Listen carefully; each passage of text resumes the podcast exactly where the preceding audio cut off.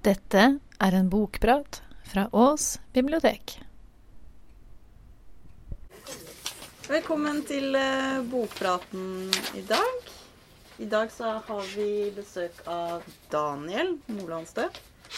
Daniel han har jobba her, så det er kanskje noen av dere som drar kjensel på han. Han kommer innimellom til oss for å ha en bokprat, og det syns vi er veldig veldig koselig. Ja. Hei.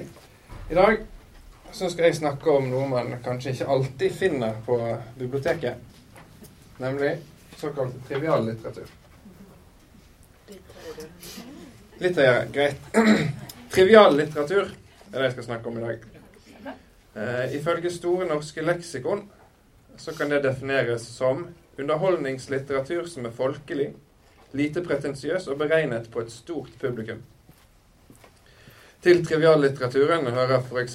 ukeblader, tegneserier, kriminal- og krigsromaner, cowboybøker, spionromaner, legeromaner og andre masseproduserte underholdningstekster. Den boken jeg skal snakke om, den heter 'Maren og Iselin', og er første bok i en serie som heter 'Morgensol'. Det som gjør denne serien kanskje spesielt interessant for oss her, er at handlingen er lagt til Ås. Forfatteren kommer fra Ås, eh, og Ås spiller en stor eh, rolle i teksten. Hun som har skrevet boken, heter Anne Marie Stamnestrø, og hun er født og oppvokst i Ås. Jeg skal komme tilbake til boken, men først vil jeg snakke litt mer om denne triviallitteraturen. I Store norske leksikon så kan man lese videre. Triviallitteraturen kan også defineres som den skjønnlitteraturen som har blitt, blitt vist ingen eller liten oppmerksomhet av den tradisjonelle litteraturforskning, som har vært opptatt av mer høyverdig, lødig litteratur. Nå er dette i ferd med å endres, og triviallitteraturen er blitt en del av undervisning og forskning på universiteter og høyskoler, selv om den ennå har vanskeligheter med å bli akseptert. Begrepet brukes noe vidt og synes å erstatte gamle betegnelser som folkebøker, kiosklitteratur, kjøkkenromaner, smusslitteratur osv. Ut fra det faktum at denne litteraturen har svært mange lesere, har begrepet kvantitetslitteratur blitt brukt. Og Det er kanskje det viktigste poenget med sånn litteratur, spør du meg. Når hundretusenvis av lesere har lest de samme bøkene, så får de en slags felles eh, kan vi litterær horisont eller, eller, bakgrunn. De er en del av et fellesskap som utelukker alle som ikke har lest de samme bøkene. Eh, og Det gjelder jo like mye for de som har lest sagaen om isfolket eller Gulbrandsens romantrilogi om Bjørndalsfolket, som det gjelder de som har lest Jon Fosse eller Erlend Nødtvedt eller andre. Men variert litteratur er nødvendig. Noen syns kanskje det er et nødvendig onde. kan vet si. Men jeg syns at det er viktig at så mange som mulig kan få litterære opplevelser. Og for at det skal gå an, så må det finnes litteratur for ulike lesere som de kan bruke på sine premisser. Det er ikke alle som bare kan plukke opp Ulysses av James Joyce og få noe ut av det. Og mange vil falle av lasset lenge før de har opparbeidet seg de nødvendige kunnskapene og referanserammene for å få en menings meningsfull lesing av et sånt verk. Likevel skal litteraturen være tilgjengelig for alle, både de som elsker Ulysses, og de som syns den kan bli kanskje litt i tyngste laget. Og der har triviallitteraturen en rolle. Allerede i 1992 så skrev Inger Bentsrud Dagbladet at for mange unge nordmenn har bibliotekstrappen blitt så høy at det ikke er verdt bryet å klatre opp. Horisontalen foran videomaskinen er å foretrekke. Og i dag er det nok enda flere eh, medier som slåss om tiden vår. Derfor er det kanskje viktigere enn noen gang med gode leseropplevelser. For det å ta opp en god bok og bruke den tiden det tar å lese den fra perm til perm, det krever litt innsats. Det kan være lett å gi etter for fristelser fra filmer eller TV-serier eller sosiale medier eller alt mulig annet som vi bruker tiden vår på. Derfor må lesingen ofte være lystbetont og gi en god opplevelse for at vi skal gidde å investere i den. Jeg sjøl lager en liste over alle bøkene jeg leser. Og så gir jeg en liten bedømmelse, sånn at jeg skal huske litt senere. Hva syns jeg egentlig om den boken? Og når jeg da bedømmer boken, så er det kanskje ikke bokens litterære kvalitet, men det er min opplevelse av den lesingen. Min leseopplevelse. Og det er egentlig det som er det viktigste for meg når jeg leser for uh, av lystbetont lesing. Jeg leser for meg sjøl. Og en sånn opplevelse, det vet dere sikkert alle, den kan være avhengig av mye mer enn selve teksten. Så den samme boken, lest på to forskjellige stadier i livet, kan gi to helt forskjellige opplevelser. Det kan f.eks. være at første gangen jeg leste boken, så uh, hørte jeg på musikk. Samtidig som jeg leste, og det kan jo ha påvirket og beriket den opplevelsen jeg hadde. Andre omstendigheter rundt hvordan jeg har det i livet ellers, hva annet jeg har lest. Altså En bok jeg leste da jeg var 14, vil kanskje fortone seg helt annerledes når jeg er 30 og har lest 100 andre bøker. Uh, og andre verk jeg har lest, gjør kanskje at jeg tar flere referanser osv. Kanskje hvis jeg hørte boken som lydbok og gikk en tur mens jeg hørte på, så kan det gjøre noe med opplevelsen. Jeg opplever iallfall at det hjelper på hukommelsen. Jeg kan f.eks. huske en passasje fra en lydbok hver gang jeg går forbi samme stedet på stien, for det var der den ble lest opp. Så jeg går forbi det treet, så, ja. så husker jeg liksom den scenen som, ble lest. Så alt dette er jo med å spille inn. Kanskje en bok som var for tung å lese på et tidspunkt der jeg har mye annet å gjøre i livet. Uh, kan gi meg tidenes opplevelse hvis jeg leser det en gang det passer. Og så kan det være perioder der det er vanskelig å få tid til å lese. Jeg vet ikke hvordan det er med dere, men jeg har det i hvert fall sånn noen ganger. Altså, jeg har jobb, jeg har unger, jeg har 100 andre prosjekter som skal kreve tid. Og noen ganger så blir litteraturen prioritert vekk. Selv om det alltid kjennes litt tungt, så er det, er det sånn noen ganger. Og min erfaring er at det er lettere å lese når man først er i gang med å lese. på en måte. Hvis du har lest tre bøker en måned, så er det kanskje lettere å komme i gang med nummer fire enn det å plukke opp første boken hvis du ikke har lest på lenge. Derfor syns jeg at det viktige for å få gode leseopplevelser er å finne en bok som passer. Det må passe både dine litterære interesser, selvfølgelig, en sjanger eller forfatter du liker, f.eks., men det må også passe omstendighetene og forutsetningene dine. Har du hatt en lesetørkeperiode og sliter med å komme inn i leseflyten igjen, så er det kanskje ikke krig og fred du skal begynne med.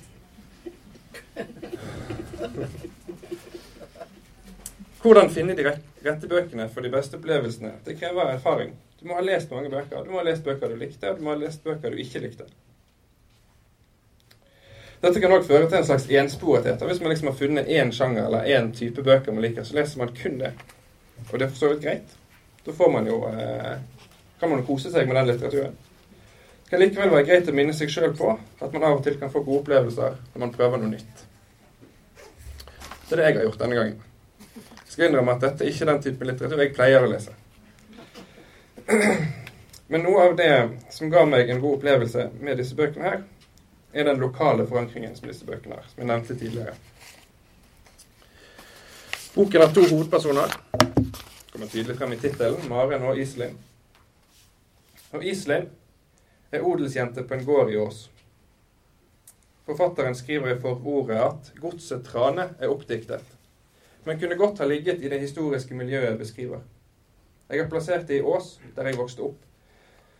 Selv om jeg prøver å holde det historiske bakteppet så korrekt som mulig, har jeg forenklet noe.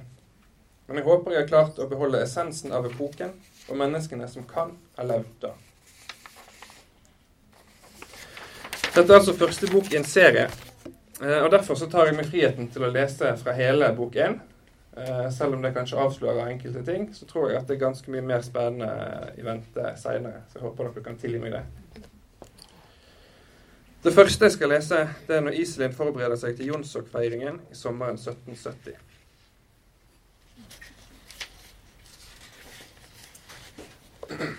Kapittel 1. Juni 1770. Ås, Akershus amt. Tror du det er nok?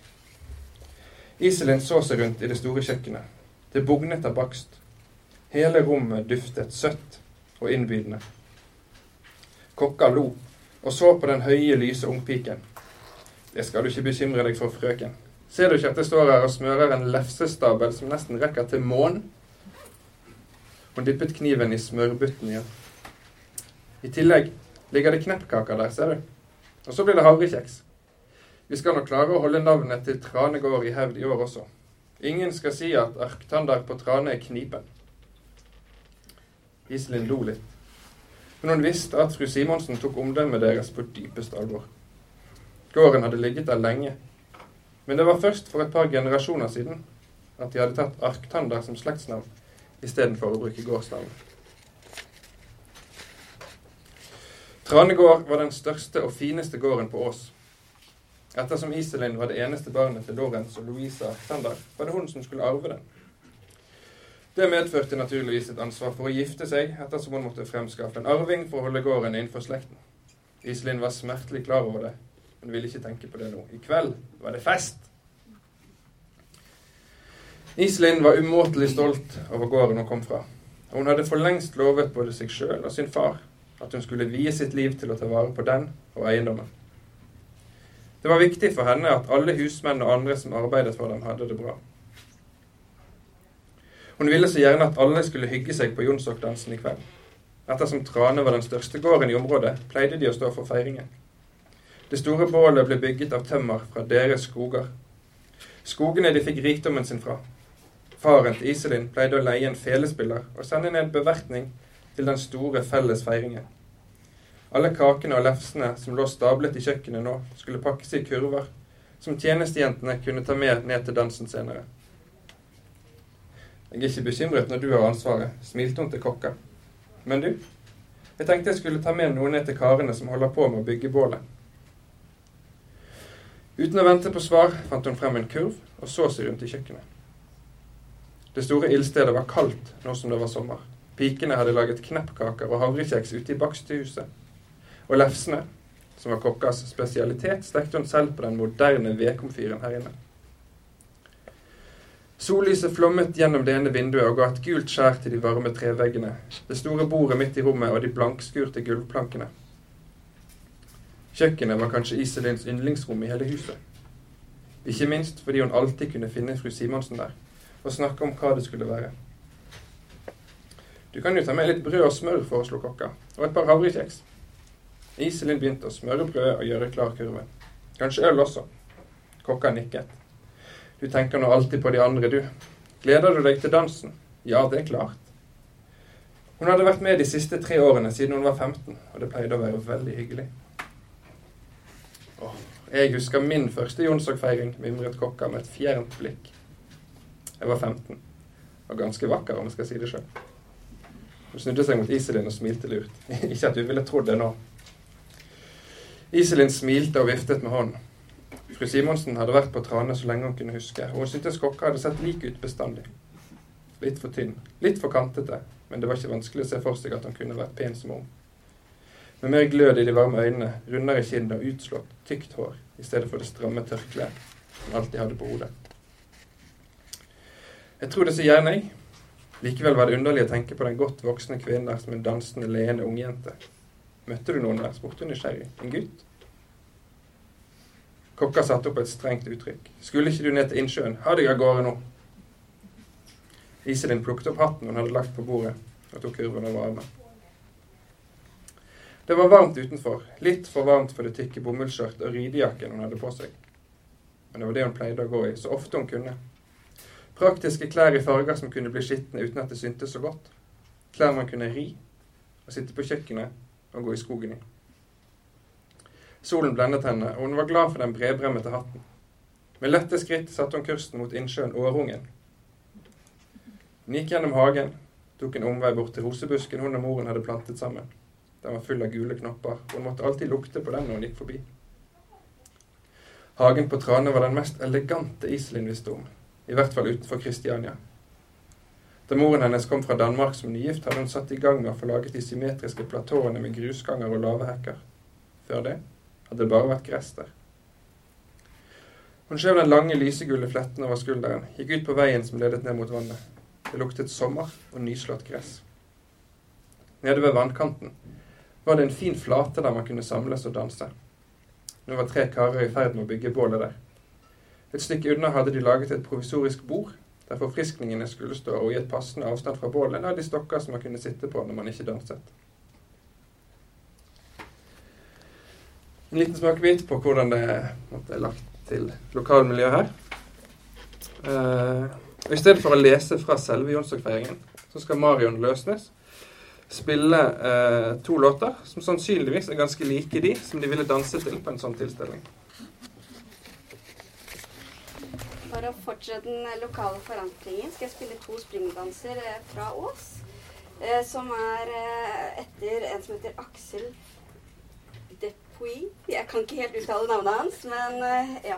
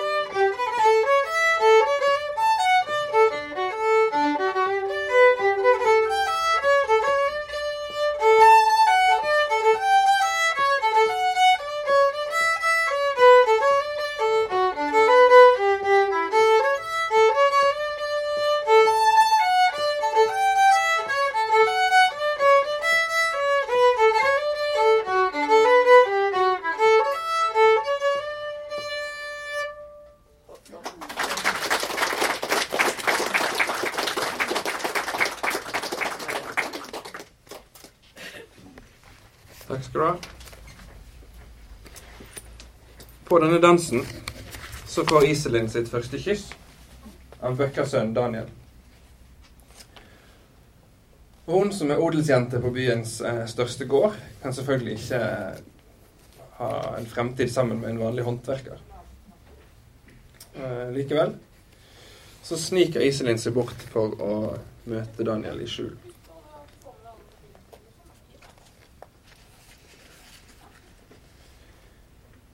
Iselin red forbi kirken på vei til Bøkkerens hus.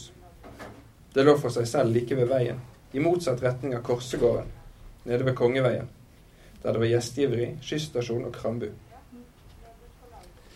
Her oppe var det stille, bare med små, spredte gårder og gulende åkre som nesten forsvant inn i skogkanten. Da far hadde nevnt at han måtte et ærend til Bøkkeren, hadde Iselin tilbudt seg å ta det. Det var flere uker siden hun hadde sett Daniel. Det som hadde skjedd, ville ikke slutte å kverne rundt i hodet. Ville det føles like sterkt om hun traff ham igjen? Det var ingen å se utenfor den store bygningen der Bøkkerverkstedet lå. En gang hadde det vært en låve. Men nå som familien tjente godt på tønnene sine, drev de ikke rare gårdsbruket lenger.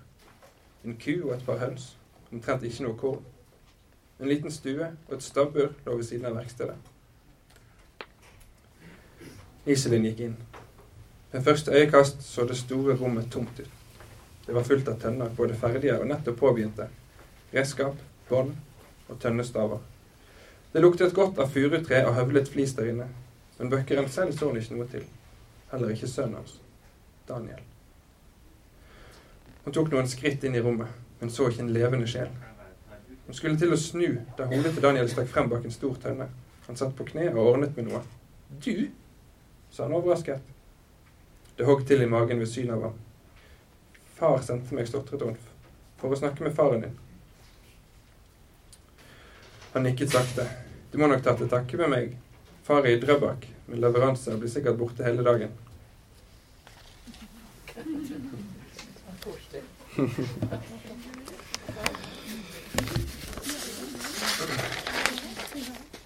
I Store norske leksikon så skriver de videre om triviallitteraturen at den historisk sett falt i to hovedtyper.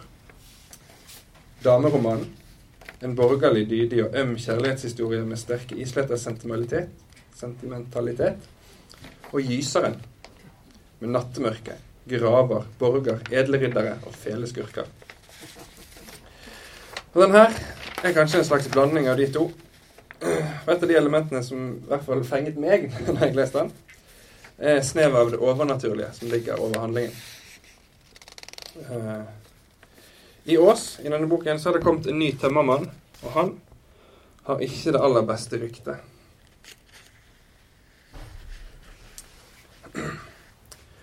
Over mengden av ungdommer så han brått et hode som ruvet, mannen ved bålet. Berthe. Han brøt inn i samtalen og dultet i den andre. Vet du hvem han der er? Jeg kan ikke huske å ha sett ham før.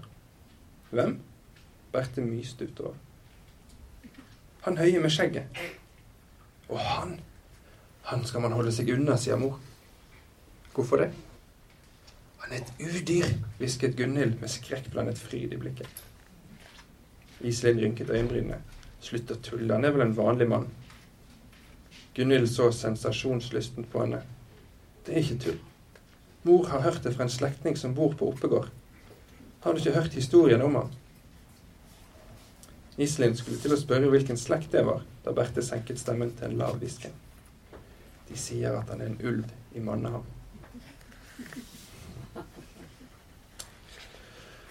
Denne um, tømmerhoggeren han heter Runar. Og Litt seinere treffer Iselin på han igjen eh, ved Sagen.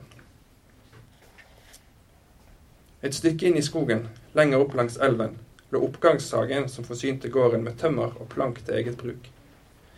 Sagen brukte kraften fra en liten foss til å drive sagbladet opp og ned, slik at man kunne skjære til tømmeret. Alt man måtte gjøre, var å legge stokkene til rette og skyve dem mot sagbladet. Iselin red opp langs bekken. Det var høst i luften, en lukt av fuktige blader og sopp. Hun trakk begjærlig luften inn og lukket øynene et øyeblikk. De skiftende årstidene fikk henne til å føle seg levende, føle at verden gikk fremover.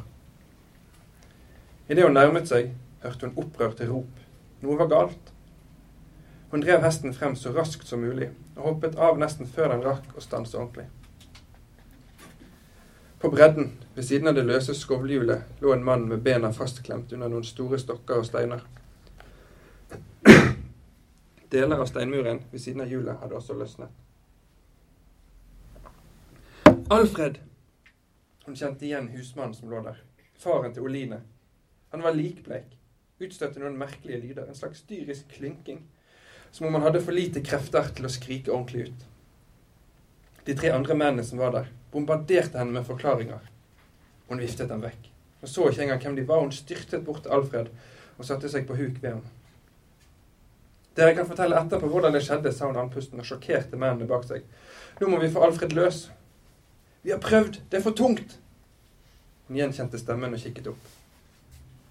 Det var den mystiske Runa Berge, mannen hun hadde stiftet bekjentskap med på Jonsok. Fortvilelsen og medynken med stakkars Alfred lyste av øynene hans. Iselin tenkte raskt. Du! Hun så myndig bort på den minst kraftige av mennene. Ta hesten min, ri alt du kan og hent hjelp. Og doktoren. Han adlød øyeblikkelig.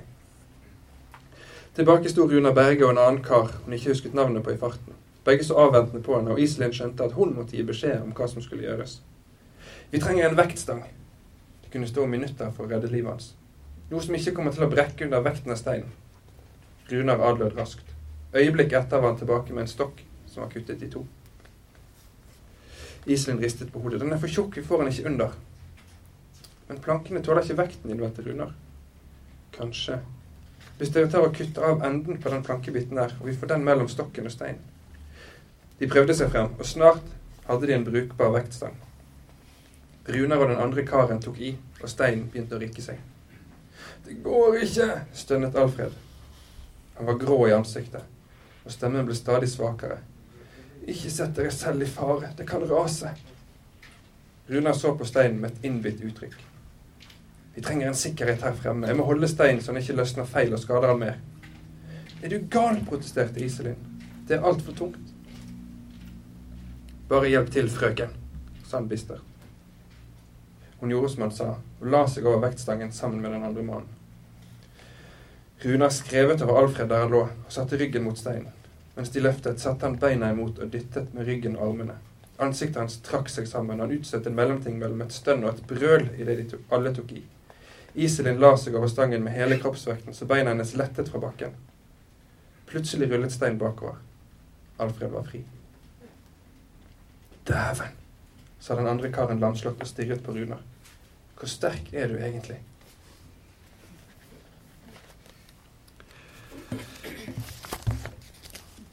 Så langt så har jeg bare lest om eh, den ene hovedpersonen i boken, Iselin.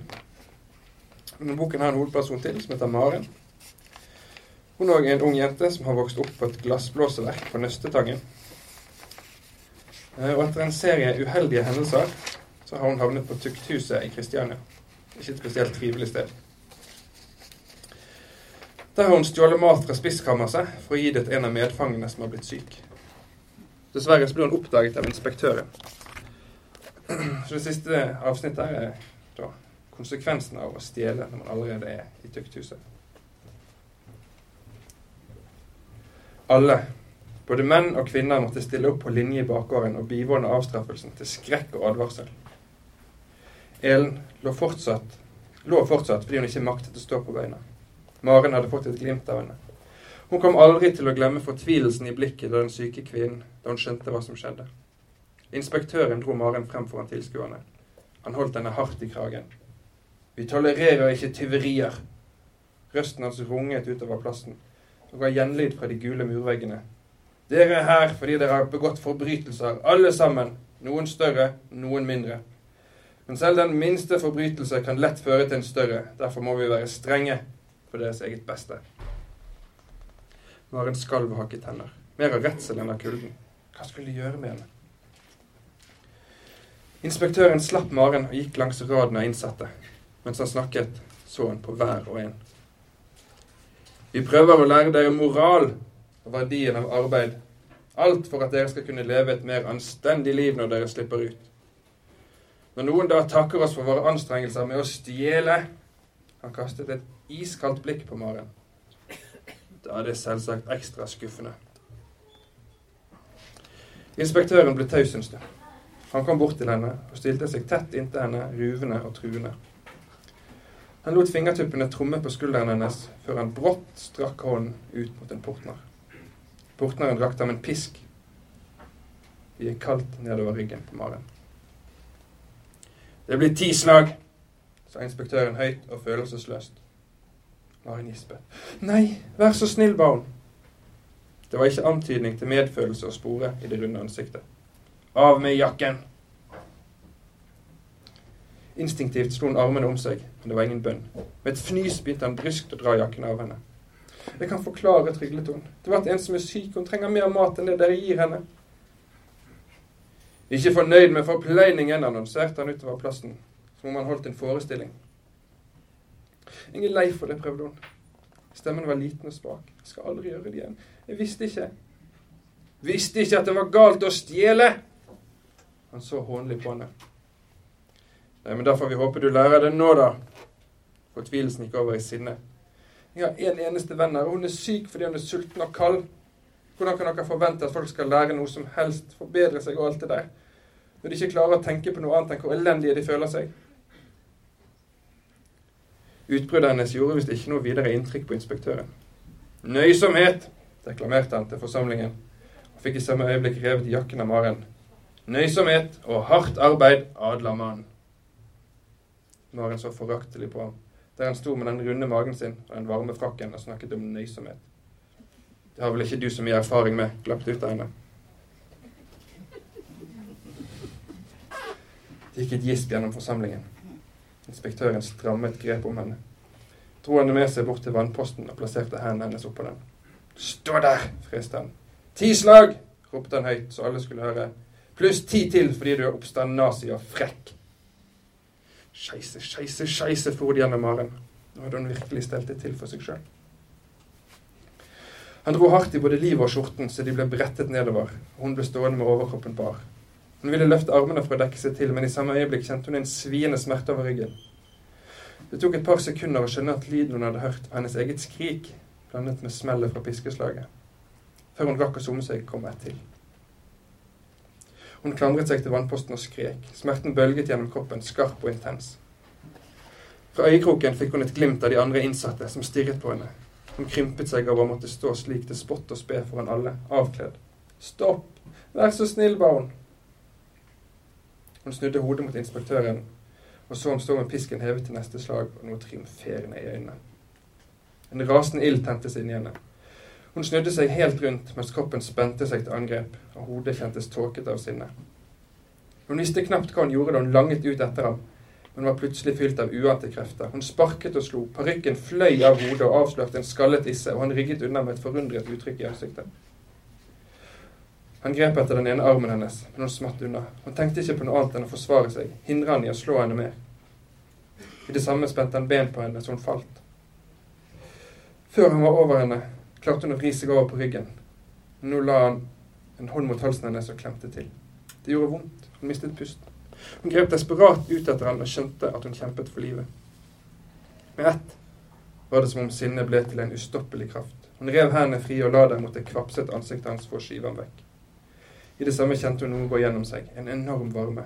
Samtidig lynte et minne fra hennes indre blikk. Noen som slo henne, og et enda større raseri. Det varte bare i en brøkdel av et sekund. Så hørte hun inspektøren brøle i smerte. Det luktet plutselig mat, for det gjennom henne. Var det ikke lukten av stekt kjøtt? Alle i bakgården, portneren og de innsatte begynte å mumle og røre på seg. Noen pekte, og det lød forskrekkede gisp. Da inspektøren vaklet bakover, så hun stedet der hånden hennes hadde ligget. Et ildrødt sår dekket den ene siden av ansiktet hans, som om han hadde blitt brent. Han førte hånden til kinnet og skrek.